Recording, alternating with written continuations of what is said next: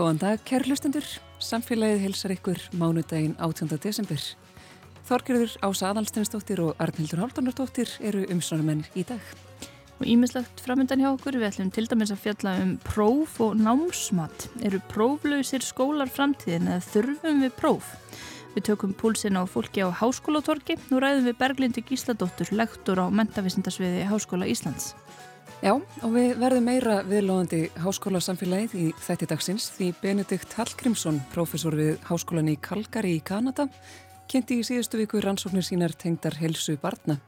Hann hefur búið það reytra í um 40 ár og telst nú með fremstu vísendamönnum Kanada. Í fyrirlistrinum saðan frá verkefninu One Child Every Child eða Eitt barn öll börn sem skoðar helsu barna í víðu samengi. Verkefnið fekk stóran margara ára styrk frá kanadíska ríkinu þann stærsta sem Kalkari háskóli hefur hlotið. Við ræðum við benedikt um efni fyrirlestursins hér á eftir. Og svo breðum við okkur aftur til ásins 1957 hlustum á jólalega, jólalega upptöku úr safni Ríkisútastins.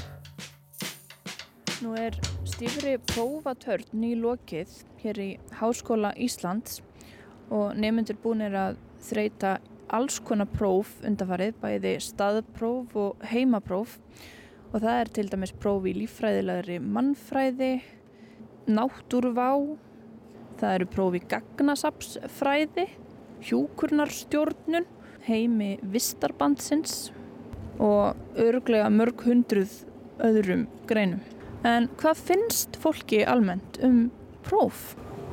Nú er ég lang flestum prófum lokið hérna í, í Háskóla Íslands og ég er hér á Háskóla Torki og mjög rólegt hérna yfir og hér stendur fólk og það eru uh, stórir pakkar hérna búið að ræða þeim að borð fyrir framann ykkur. Hvað eru þið að gera? Ég við erum að afhanda jólagjör fyrir starfsfólk og við erum að afhanda eina væglega jólapakka. Þetta er náttúrulega mjög stór starfsmannahópur þannig að það tekur alveg að heila viku að afhenda sta öll starfsfólki gjafinnar.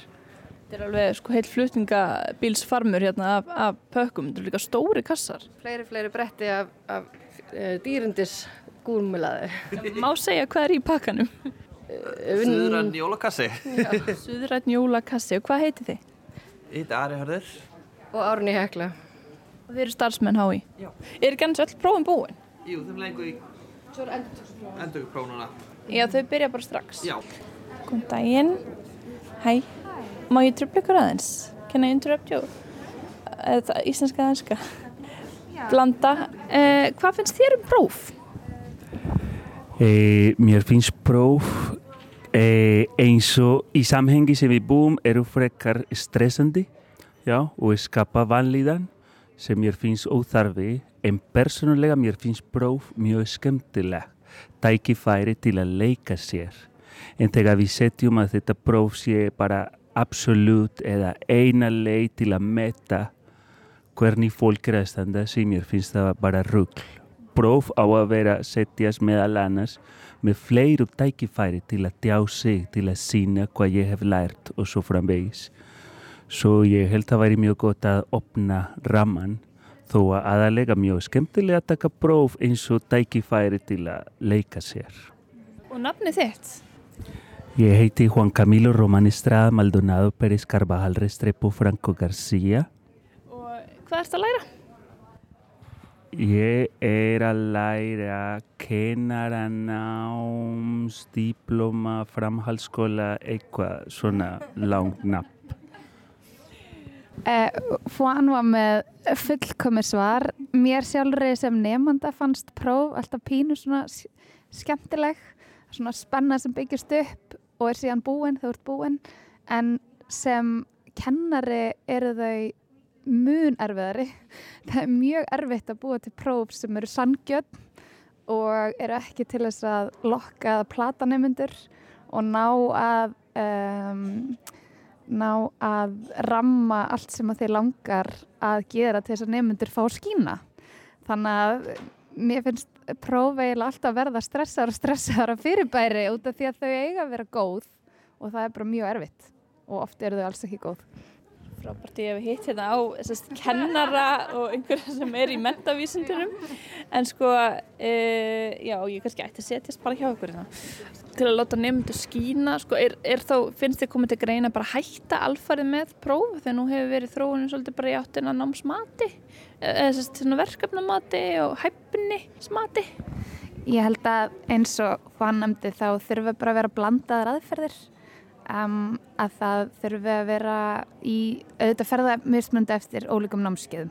Og ég er í hugvísindum þannig að það eru, eru sérstaklega aðferðir þar. En það er held ég sterkast að yfir önnuna náum að, að bjóða nefndum upp á tækifæri til þess að um, taka þátt og prófa náttúrulega einn tegunda þáttöku um, og uh, sína fram á skilningsinn á námsefnu með ymsum formum. Þannig að ég þóra ekki að taka svo stert að segja að prófa þetta bara að leggja af, alls ekki, en, en þau eru bara mjög krefjandi, bæðið fyrir það sem hannaðu og þau sem takaðu. Og nafni þitt? Solveigast að Sigurdóttir. Um, so my name is Giti Chandra, I teach here and speaking as an instructor, I think of um, exams as just the final thing that happens through the term of evaluation. Við þetta ringborð á háskólatorki setur líka Gíti Tjandra, fræðimæður sem kennir námskeið á sviði menningarfræði. Hún reynir að nota námsmatið sem tæki sem að auðvelda nefndum að meta hvernig þeim gengur að tilenga sér námsefnið. Hún leggur fyrir mörg smerri verkefni sem að dreifast yfir raunina. Í lok annar skila nefndur svo stærri rítger sem að vegur helming á móti verkefnavinnunni. And then I give them two to three weeks to work their way through the essay with me. So they discuss it, we go through it together so that by the time they actually write their final paper and hand it in, I try to make it as little anxiety provoking as possible. Hún segir nefndur fá góðan tíma á stuðning, hún ræði við þau um efnistök og uppbyggingu og fylgið um þannig nánast í mark. Og markmiðið er að námsmatið sé eins laust við stress og kvíða og hægt er.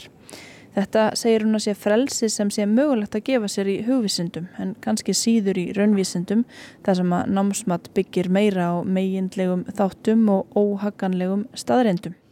So I know that I have kids at the university. I know that exams can be terrible and very stressful and often not a good way to evaluate what is happening. And so over over a few years this is what I've tried to do to make evaluation a healthy thing. Hún segir sjálfveiga börn í háskóla og þekki því kvíðan sem oft fylgir prófum. og þá séu prófa hennar mati ekki alltaf besta leiðin til að meta þekkingu og getu fólks. You have to make sure that you know what the student knows and not go after what they don't know.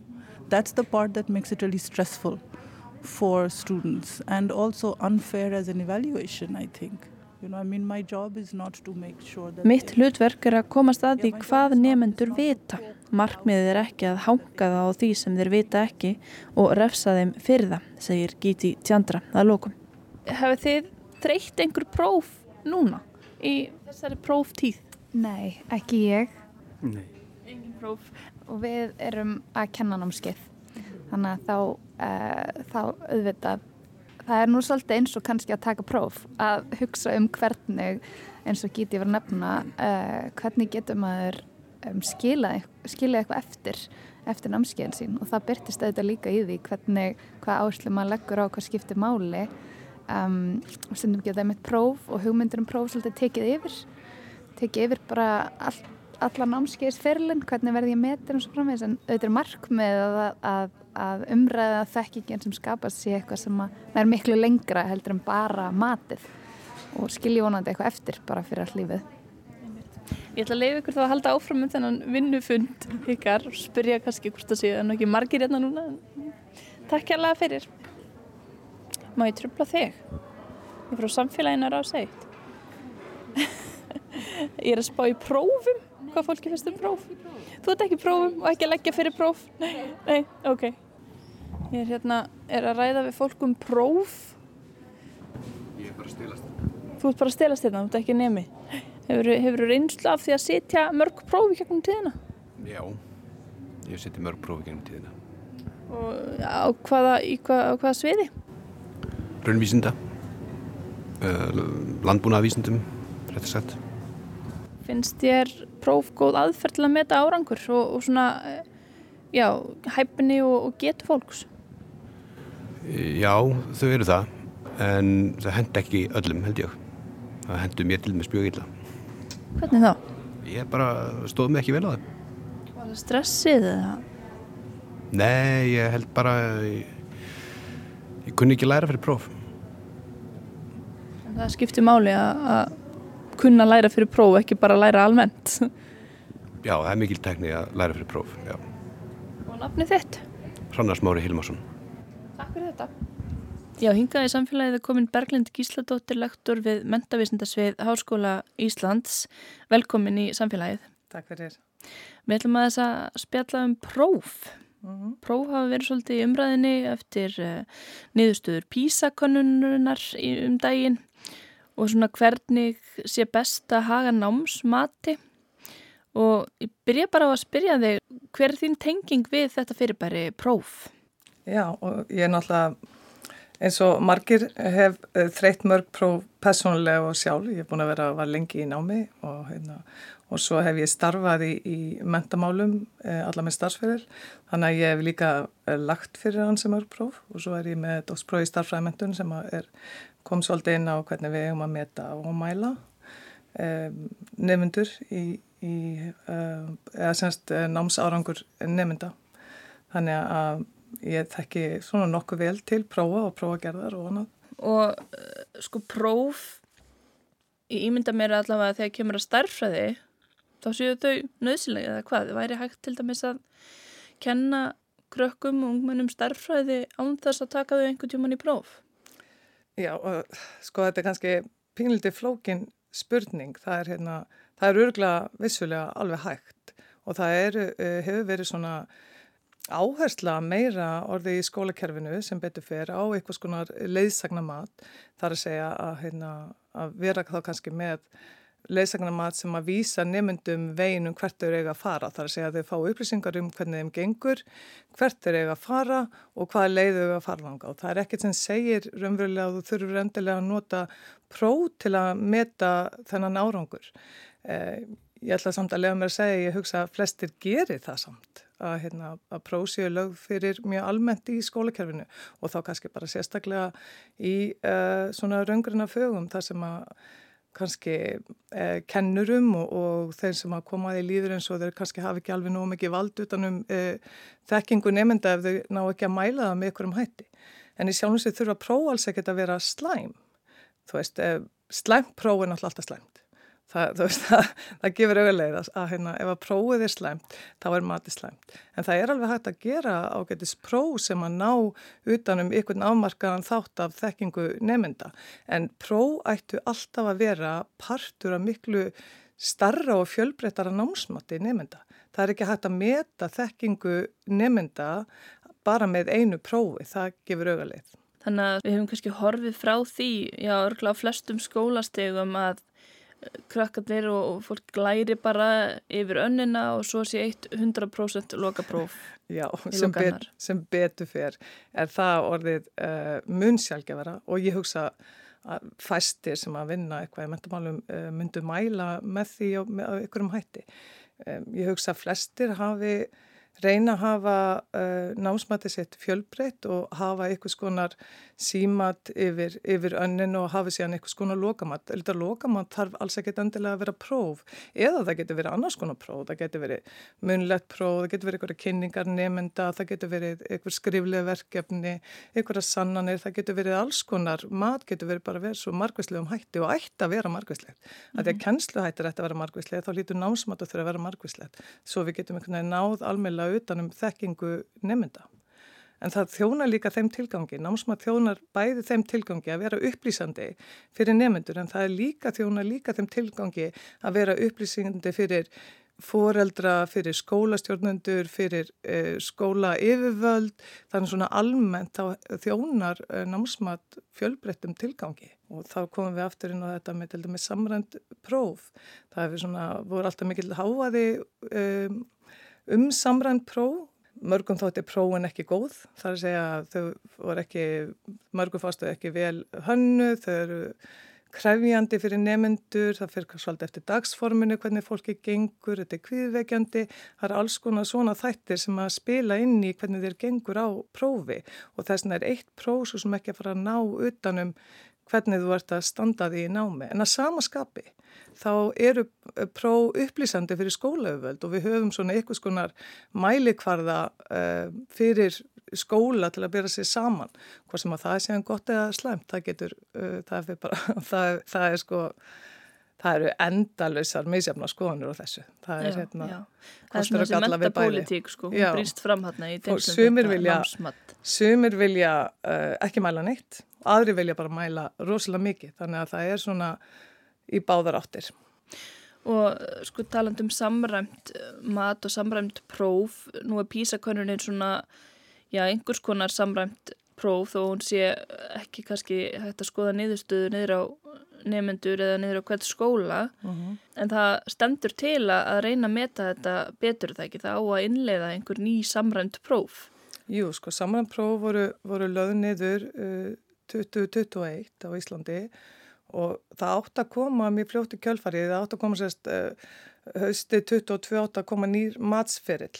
Það var sérst stopnaður eitthvað skonar, uh, eitthvað svona samráðsópu 2018 uh, sem átt að búa hana uh, meta samrænt pró eða uh, sérst kostið og galla raunverulega og síðan uh, og upp úr því var ákveð að fella niður þessa stopnun, mentamálustofnun og, og taka upp upp nýja stofnun sem að myndi sjá um þennan uh, matsferil með annars.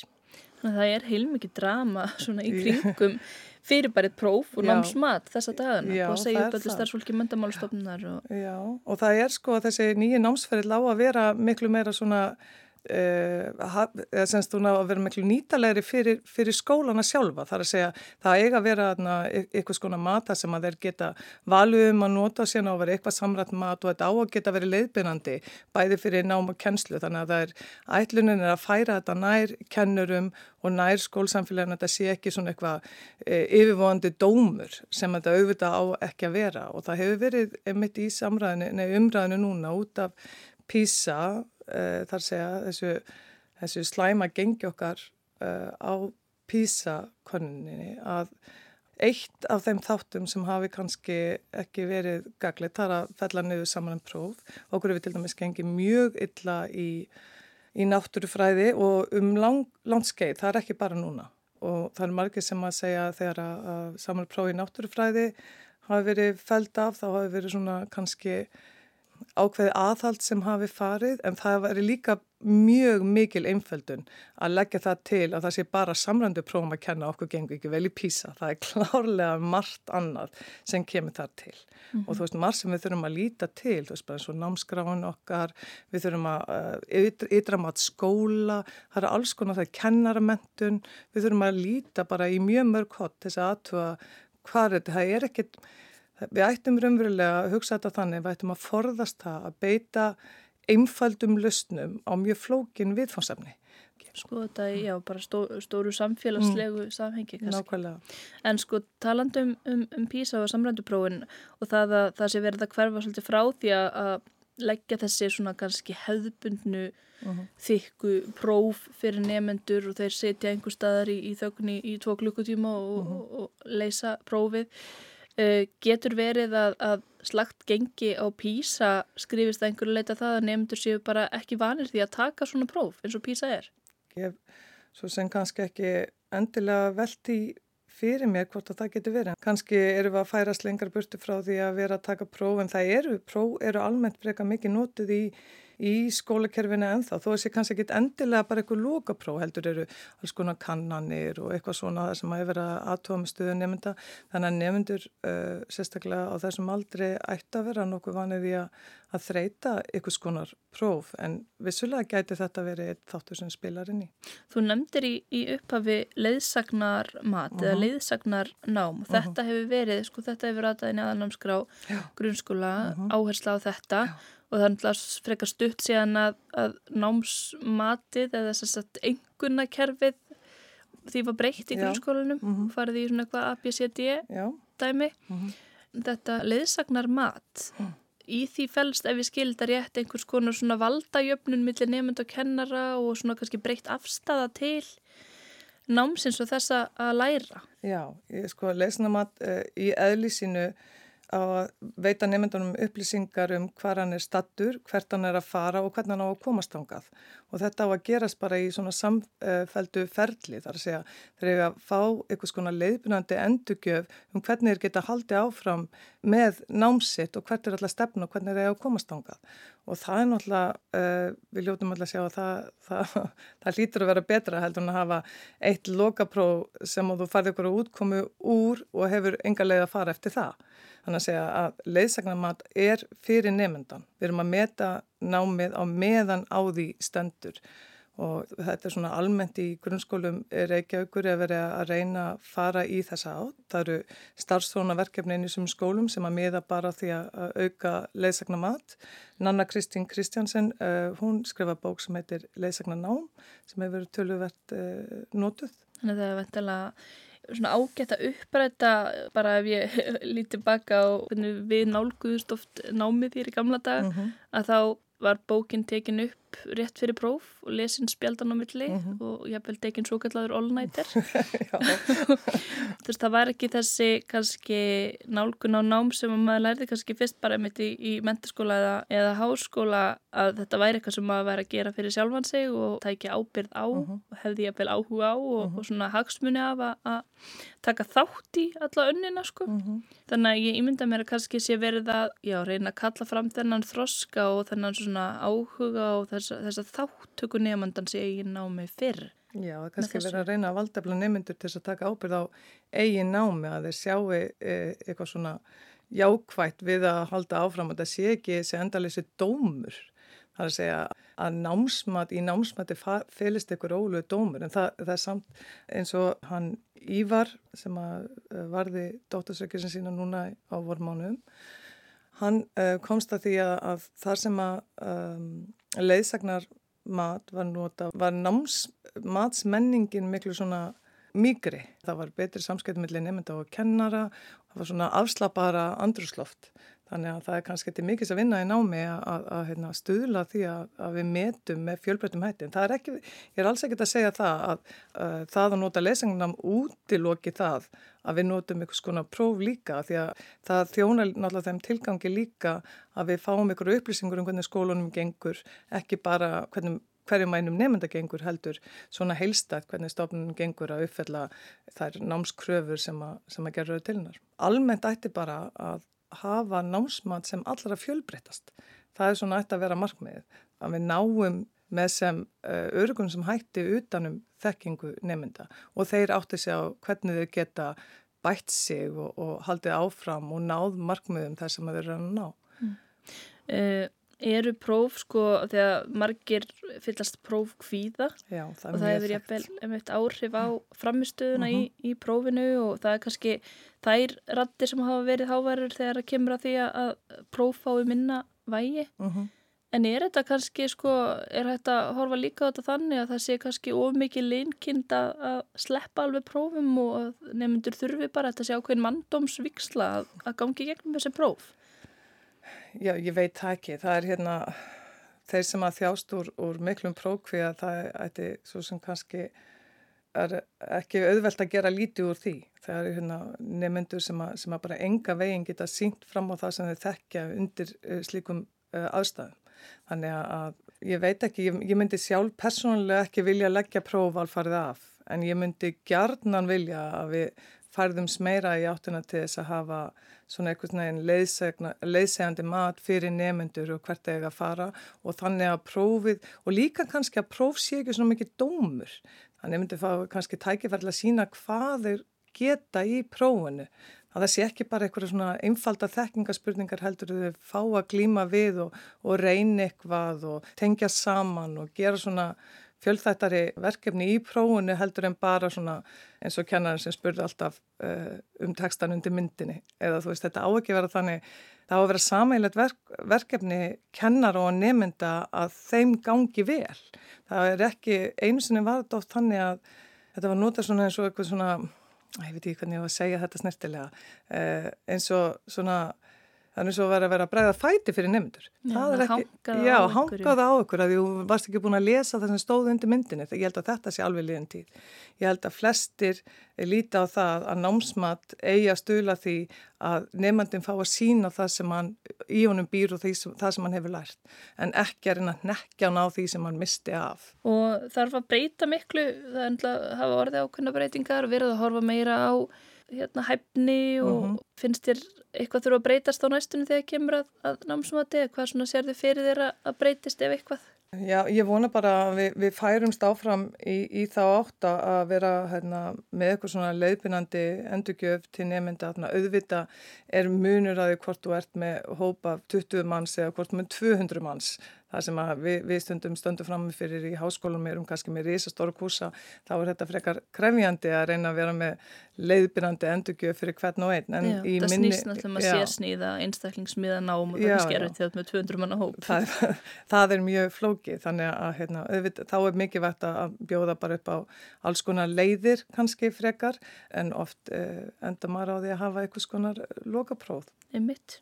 Við erum búin að ræða ímislegt. Takk fyrir að tala við samfélagið um próf, Berglind Gísildóttir. Takk fyrir.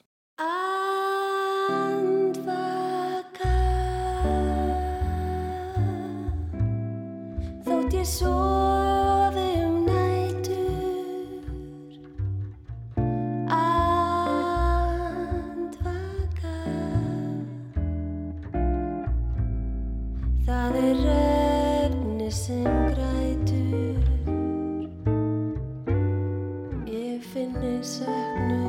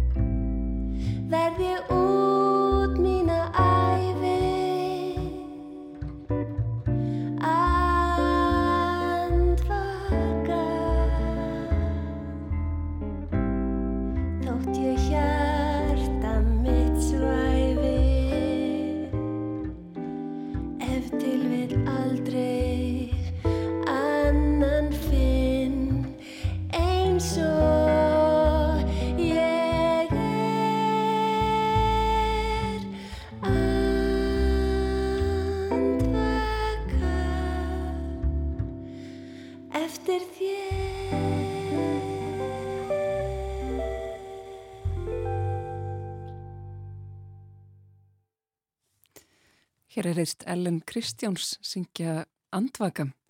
Eflust margir sem eru andvaka yfir prófalestri. Þetta var á eftir spjalli um próf.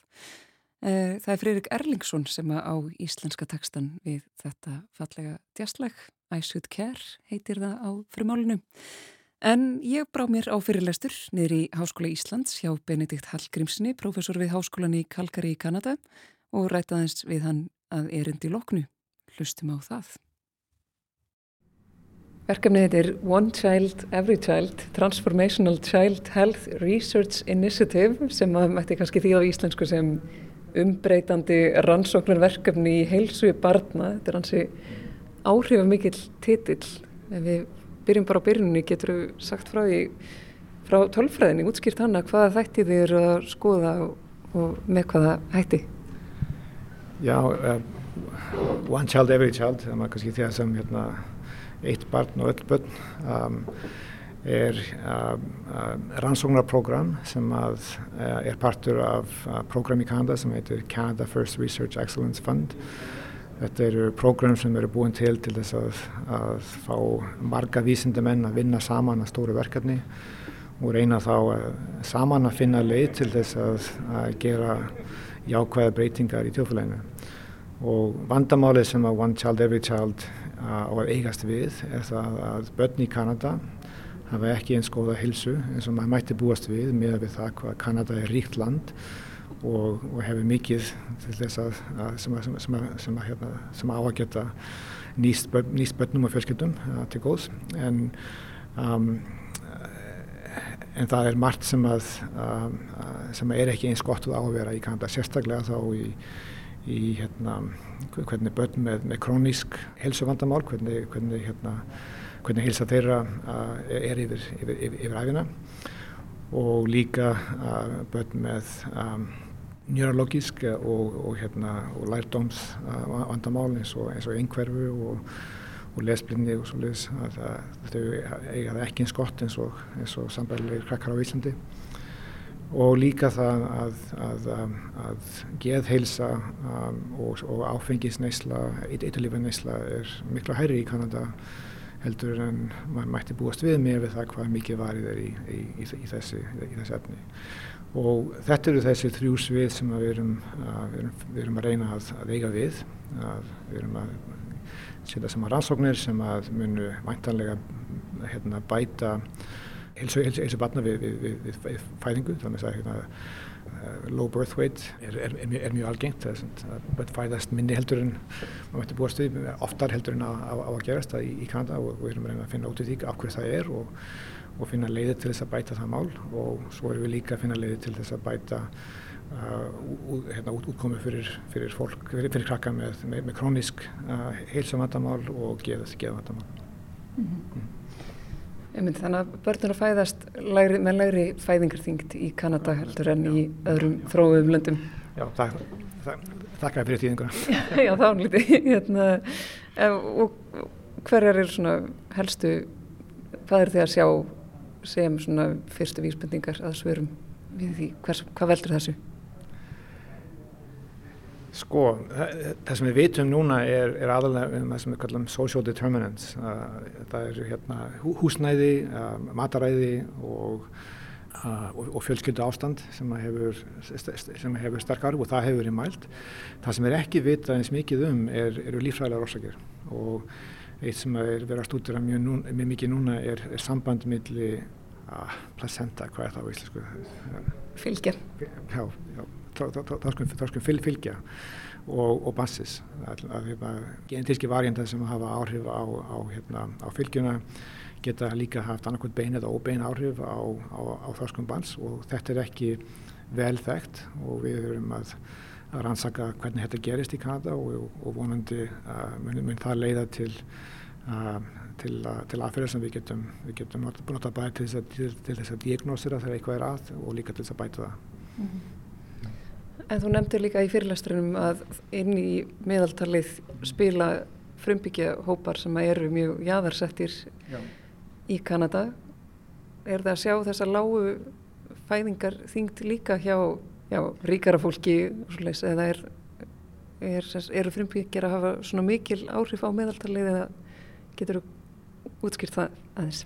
Þetta er mjög góð spurning og er, við höldum að, að þérna að ástandi sé miklu verra í hjá indigenous uh, communities heldur en heldur en hérna annar staðar í Kanada. En í rauninni er það ekki vel vitað og, og það er ekki vel vitað vegna þess að það er mjög erfitt að búa til gögn á hátt sem er, sem er virðir sjálfstæði þessara þjóðfélaga og eru, er, og eru búin til á, á hátt sem, að, sem, að, sem að virðir þeirra menningu. Og það er náttúrulega mjög jákvæmt að, að, að, að Kanada er að hérna, vinna því að reyna að mæla heilsu á betri hátt í þessum tjóðfélagum en það er líka neikvægt að við bara hefum upplýsingar núna. Þannig að það hefur verið, núna inn í, í, í nokkuð mörg ár. Þannig að ég get ekki svarað þessari spurningu hver, hver, hver er munurinn á hvernig uh, ný, ný, ný, nýfætt börn eru í, í, í hérna, indigenous communities uh, í Kanada vegna þess að uh, súgagn er bara ekki til. Já, þannig að tölfræðin er ekki til staðar þar, þannig að þessar tölur eiga þá við bara heilt yfir Akkurat. all landið. Þetta eitt af því sem að við munum gera í verkefninu. Sem er áhugavert af því að þetta er mikið velmögunar land, svona heilt á litið. Já, já, akkurat. En um, þú nefndi líka í byrjun að, ég, kannski skildi ég þið ekki rétt, en, en að svona auðmagn landa virtist ekki, að það væri ekki endilega fylgni. Já, sko, hérna, au- au- auðmagn landa hefur mjög sterk áhrif á heilsubarna upp af þessu marki.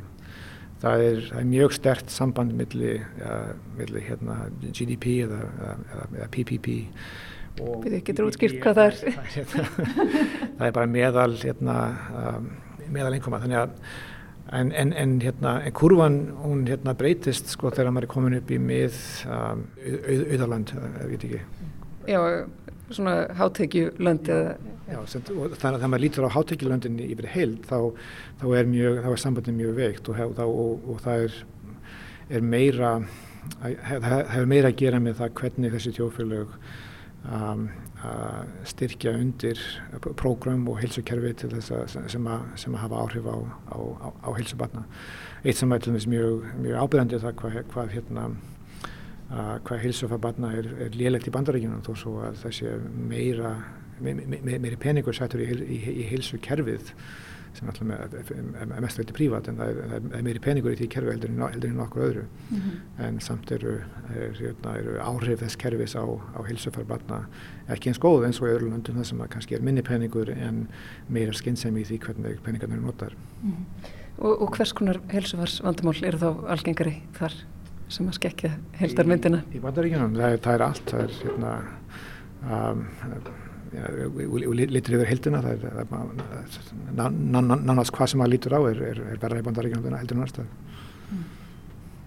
Og þú sagðir að, já, að skýringuna verði meðalans að finna því að bandaríkin hefði fjárfæst eitthvað inn á kólrángan hátt í helbriðskerfinu, er það þá engar ekstrun sem ert að vísa til? Já, þetta er flókin spurningin, já, ég held að það sé, að sé einmitt að, að, að, helbriðskerfið er, er engaríkið og, og, og hérna, insurance uh, driven og þannig að um, fólk hefur aðgang að kerfinu eftir því hvað það getur borgað fyrir eða hvers konar tryggingu það hefur heldur frekar heldur en það sem að uh, frekar heldur en uh, eftir, eftir því sem það þarf.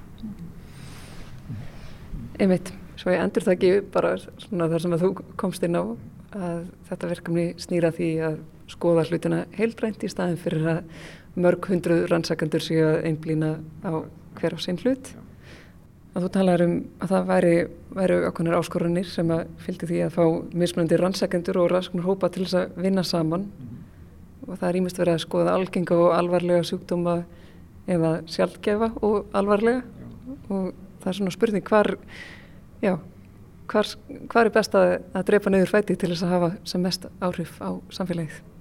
Í, í rauninni held, held, held ég að maður þurfa að gera hvort tökja. Það er spurningum um hérna um að hvað leiti maður gerir þessa, þessa, þessa luti.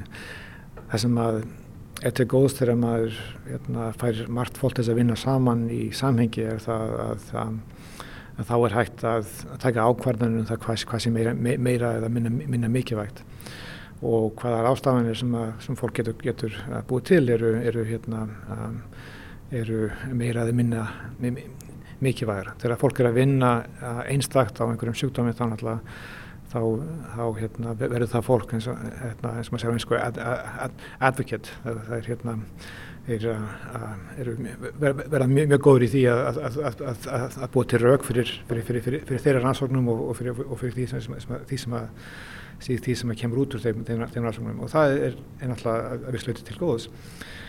En það sem er slæmt við að að hafa svona stórt rannsóknarverkefni er það að nýjar hugmyndir sem er kannski koma, koma utan að, að hópnum að fá minna, min, minna sveigrum til þess að myndast. Þannig að það þarf að gera hvort ekki, það þarf að, það þarf að styrkja undir rannsóknir sem, að, sem einstaka, einstaka vísindamenn er að gera uh, út af sínum eigin, eigin, eigin rauksendum en það þarf líka að stýðja undir stór prógram þar sem að margir vinna saman af einhverju verkefni sem er, er mikilvægt fyrir tjóðfélagið.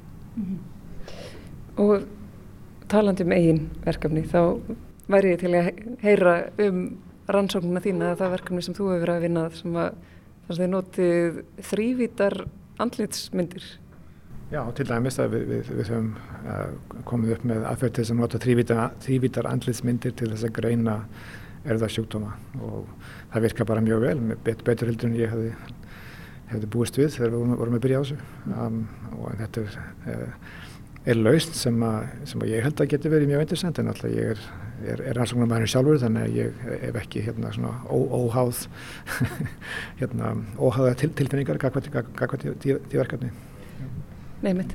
En getur þú líst aðeins hvernig, hvernig þetta virkar? Svona, getur líst í fyrir hinn almenna leikmann sem að... Já, í raun og veru er það meðfald, maður tekur svona þrývítamynd, þú getur tekið þrývítamynd núna með símanum, það er ekki eins góð eins og maður, maður þarf núna en, það er kannski verða nóg góð eftir nokkur ár. Maður tekur síðan margar slíkar myndir og, og setur það saman, það býtir svona meðalmynd og og nota þá hérna, meðalmyndina til þess að taka mælingar og það er mælingar geta, eru, eru síðan bara, bara automatískar settar á, á allar myndinar. Það sem við notum eru er, er, hérna, punktar, þrývið þrývita punktar. Eftir verkefninu notum við annarkvæmt 5.000 eða, eða kannski jafnvel, bara nokkra tíu af slíka punktum og setjum það síðan inn í hérna, gerfi greindar mótel sem að sem að kemur upp þá með, með flokkun á þessum andlutu sem við setjum inn og svo flokkun er síðan notu til þess að greina, greina einstakleika með sjúkdóma. Þannig að þetta þá mæntilega leið sem er, getur verið mjög hraðvirk og spara tíma. Já, já, við, erum með hérna, svona app sem að fólk getur sett upp þrývítur andlit og við segja þeim hvað, hvað sjúkdóma það andlit hefur. En er það ekki hægt á því að fólk sem að bara er ekkit að en leiðist heimi á sér fyrir að setja mynd á sér inn í þetta app og sjúkdómsgreina sig. Jú, það, það, það, það er náttúrulega viss, viss, viss áhætta. Um, eitt sem við höfum reynd að gera vel er að greina milli uh, þess að hafa sjúkdóm eða hafa ekki sjúkdóm og meðtóðan gerir það nokkuð vel en, en, en maður þarf að vita sko hvað er að bakveita uh, ef að til dæmis einstakleikur er með sjúkdóm sem við erum ekki með inn í okkar database þannig að þá greinist sá einstakleikur líklega ekki með þann sjúkdóm eða, fyrir víst þá, þá greinist sá, greinist sá, einstakleikur ekki með það sjúkdóm kannski með einhvern annan mm. eða kannski eins og sé með enga sjúkdóm mm. þannig að öll, öll slík tól er að hafa, hafa sín takmörg mm. og maður þarf að skilja þau Getur þú nefnt einhver andlitsenginni sem að auðvelt er að sjá? Það eru mörg minna, um, til dæmis að, bíla millir augna er tengt hérna, fetal alcohol syndrom það er það er, vel degt og líka, líka hvernig, hvernig, hvernig hérna, efri vörun í læginu þetta er tengt í. Um, það er minna um sko, hérna, hvernig vissir partar af andlutinu í læginu og meira um það hvað heildar lægið er sem, sem, sem, sem að hérna, leifur okkur að gera þessar, þessar flokkanir. Mm. Þú lítur þá að hafa hort á mörg þúsund andlit í vinslunni við að setja upp þennan gagnagrunn. Jú, kannski ekki eins mörgur svo sem er nefndum mér, en jú. Verður maður ekkert svona rugglaður í rýminu og fer að, að horfa á hverja einstu mannski sem maður mætur út á götu og reyna að greina að sjá ímis einkinni hér og þar? Ég verð nú að veikina það að ég hef, ég gert svolítið af því, jú, það eru, og það eru sem er sjúkdómar sem maður getur greint bara því að sjá það. En þetta er náttúrulega sem að, hérna, læknar hafa gert í mörg ár, hérna, um, læknar sem að, hérna, sem að vinna með fólki með, með, með uh, erða sjúkdóma uh, andlitið er náttúrulega fyrsta sem að sér og, og margir sjúkdómir eru lístir þannig að, að, andlitsenginnin eru partur af, af, af lýsingunum og það er bara vegna þess að við, við horfum á andlit fólks það sem, sem við gerum þegar við, þegar við, þekkjum hvort annan. Þannig að það er svo sem ekkert óðurlegt að maður líti á andlit fólks og reyna að finna út í hvað, hvað sjúkdómið mætti hafa Já, mitt. Þannig að þetta er hraðvirt fyrsta skref og svo er auðvitað gengið úr skugga með öðrum hætti hvort sannarlega séum eitthvað sjúktumar eða það verður kannski ekki þannig í framtíðinu að fólk taki mynd af sér og fái lífs, lífsalega um leið. Það er, það er efstjum og ég held, ég held að það myndi ekki vera góð nótkun að þessari tekni. Nei. en uh, rétt í lókin Planet Youth sem þú nefndir, Já. uh, að því að þú nefndir í þetta verkefni í fyrirlestrunum og spurður hversu margir hafa heyrt um þetta og þekki þetta voru tvær manneskir sem var rétt um upp hönd og önnur þeirra var eitthvað sem að þú hefði sagt frá þessu verkefni daginn áður. Já, Þannig að það er kannski ágætt að segja hlustendum rása reitt frá þessu verkefni. Þetta er, þetta er svolítið merkilegt. Ég, ég, ég hérna, hitti Jón Sigfússon í gæð sem er formaður Planet Youth hérna á Íslandi og hef hitt uh, nokkra af þeim sem er að starfa við, við rannsóknir í þessu. Um, Planet Youth er, er heimsvægt og fólk sem að vinnur í, sérstaklega við geðhelsu og, og, og áfengisneislu í, í bönnum uh, um allan heim þekkir, þekkir Planet Youth uh, kerfið. Calgary er núna að verða Planet Youth borgur, um við erum að, að taka, það, taka þátt í þessari, þessari reyfingu. Um, en fáir á Íslandi veit um þetta, þetta er, svo, þetta er svolítið, svolítið ábyrgandi.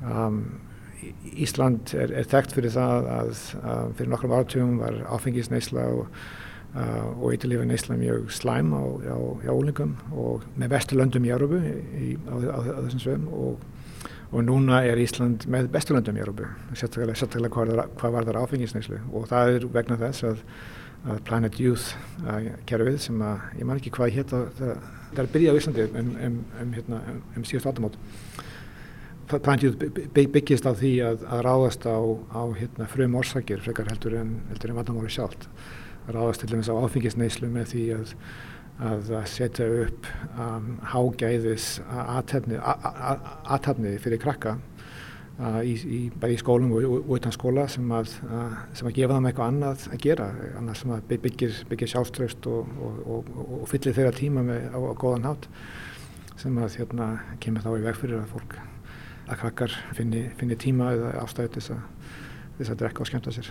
og, og, eins og gerist fyrir nokkrum áratugum. Mm. Einmitt þannig að frístundastyrkur er eftir vil afsprengi þessa verkefnis.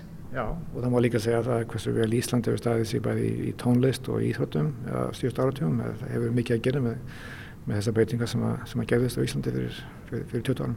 Mm. Látum staðarnum í hér. Takk kærlega fyrir spjallið Benedikt Hallgrímsson. Takk fyrir.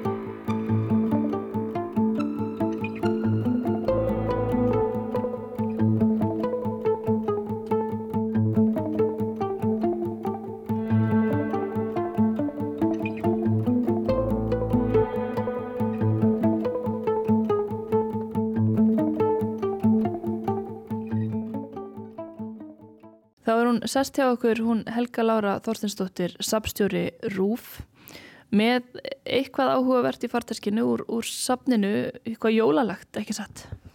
Já, uh, í dag ætlum við að hlusta á viðtal sem flutt var í þættinum um helgina uh, þann 22. desember ára 1957 eða fyrir 66 árum. Viðtalið er við Jón Guðjónsson rafvirkjamistara sem veitti þjónustu við uppsetningu jólaljósa í Fossvoks kirkjugarði.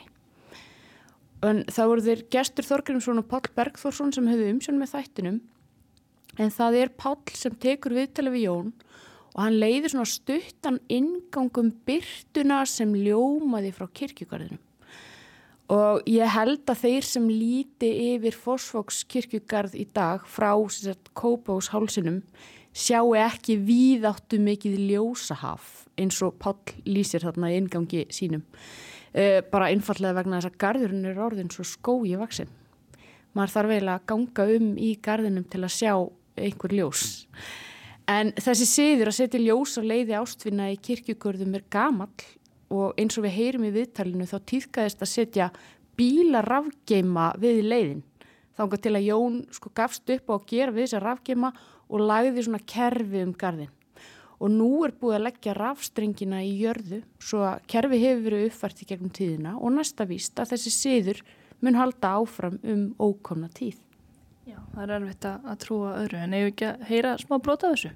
Jú, endilega. Það var að kvöldi dags nú í vikunni að ég átti leið frá Hafnarferði til Reykjavíkur. Það gekk á með útsýningsjæljum en létti mjög til á milli og frá Kópá og Sálsík af að líta fagra sín. Handan við Fossvog blasti við víðáttu mikið ljósa haf sem ljómaði í öllum regnbúans litum og speiklaðist í voginum. Þetta var ekki borgina lifandi með gnísin og læti, engir blindandi bílageislar eða blikandi auglýsingar. Hér var friður og ró eins og vera ber í reytinn að dánu, Fossvogskirkjugarði. Ég ekk með fram garðinum og nefn staðar við ingangin. Hér er dálítið skíli og þar hitti ég að máli Jón Guðjónsson, rafvirkjamestara. Það er mikið af ljósum hér í garðinum, Jón. Já, það er orðið þá nokkuð mikið. Er uh, langt síðan þessi venja skapaðist að láta loga ljós á jólunum, á leiðunum?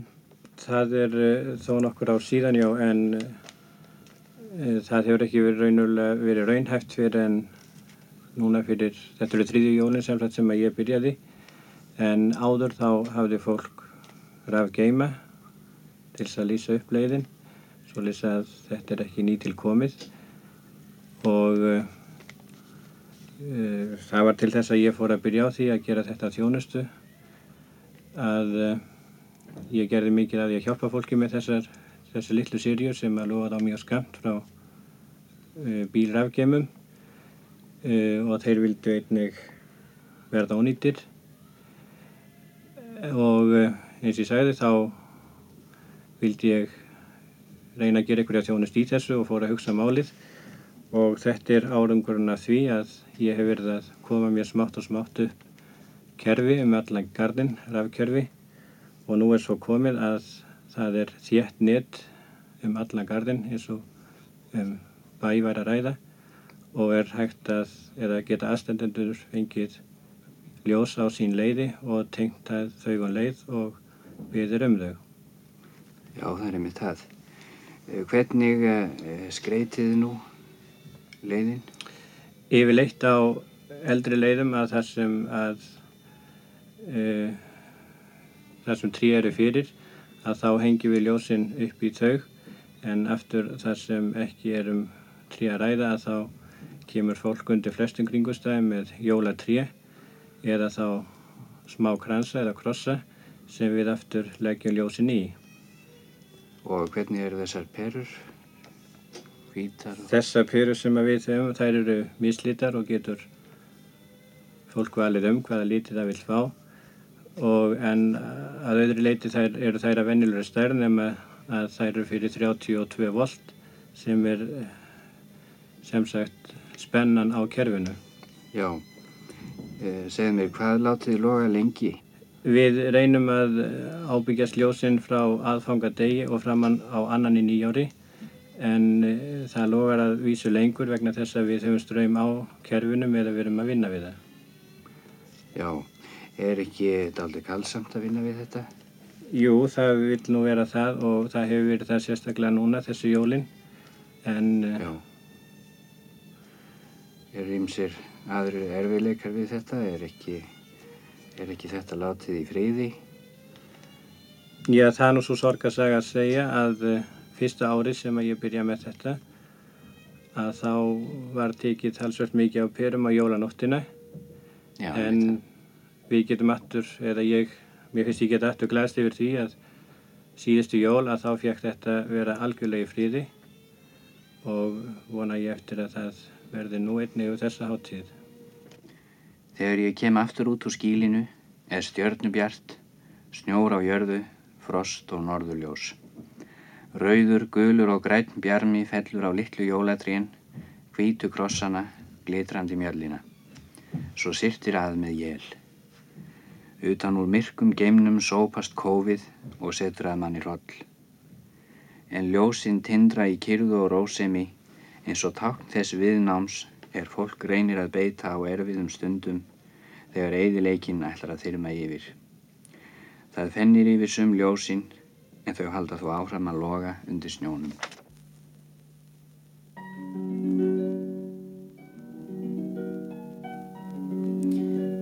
Já, þarna var skemmtilegt endurlit til ásins 1957 efni úr sapni Rúf sem hún Helga Lára Þorsteinsdóttir sapstjóri Ríkisótusins hafði upp á. Og það eru öruglega mikil umferð og fallegt um að litast í kirkjugörðum núna og aldrei að vita nema samfélagið kíki við þar í vikunni ræði við einhverja. Já. En þessum þetta er að ljúka, Þorgerur Ása. Já, við erum búin að fjalla um próf og námsmat, rætum við Berglindi Gísladóttur, lektor við mentavístas við Háskóla Íslands og svo rætum við við Benedikt Hallgrímsson um forvöldnilegar rannsóknir hans á helsu barna. Þátturinn er aðgengilegur í spilara rúf. Ég mitt ágætt að minna á það og samfélagið verður auðvitað aftur á dagskrá á morgun. Takk fyrir í dag. Við gæðum hérna Arnildur Hálfrunardóttir og Þorgerur Ása Aðalsinsdóttir. Verið sæl.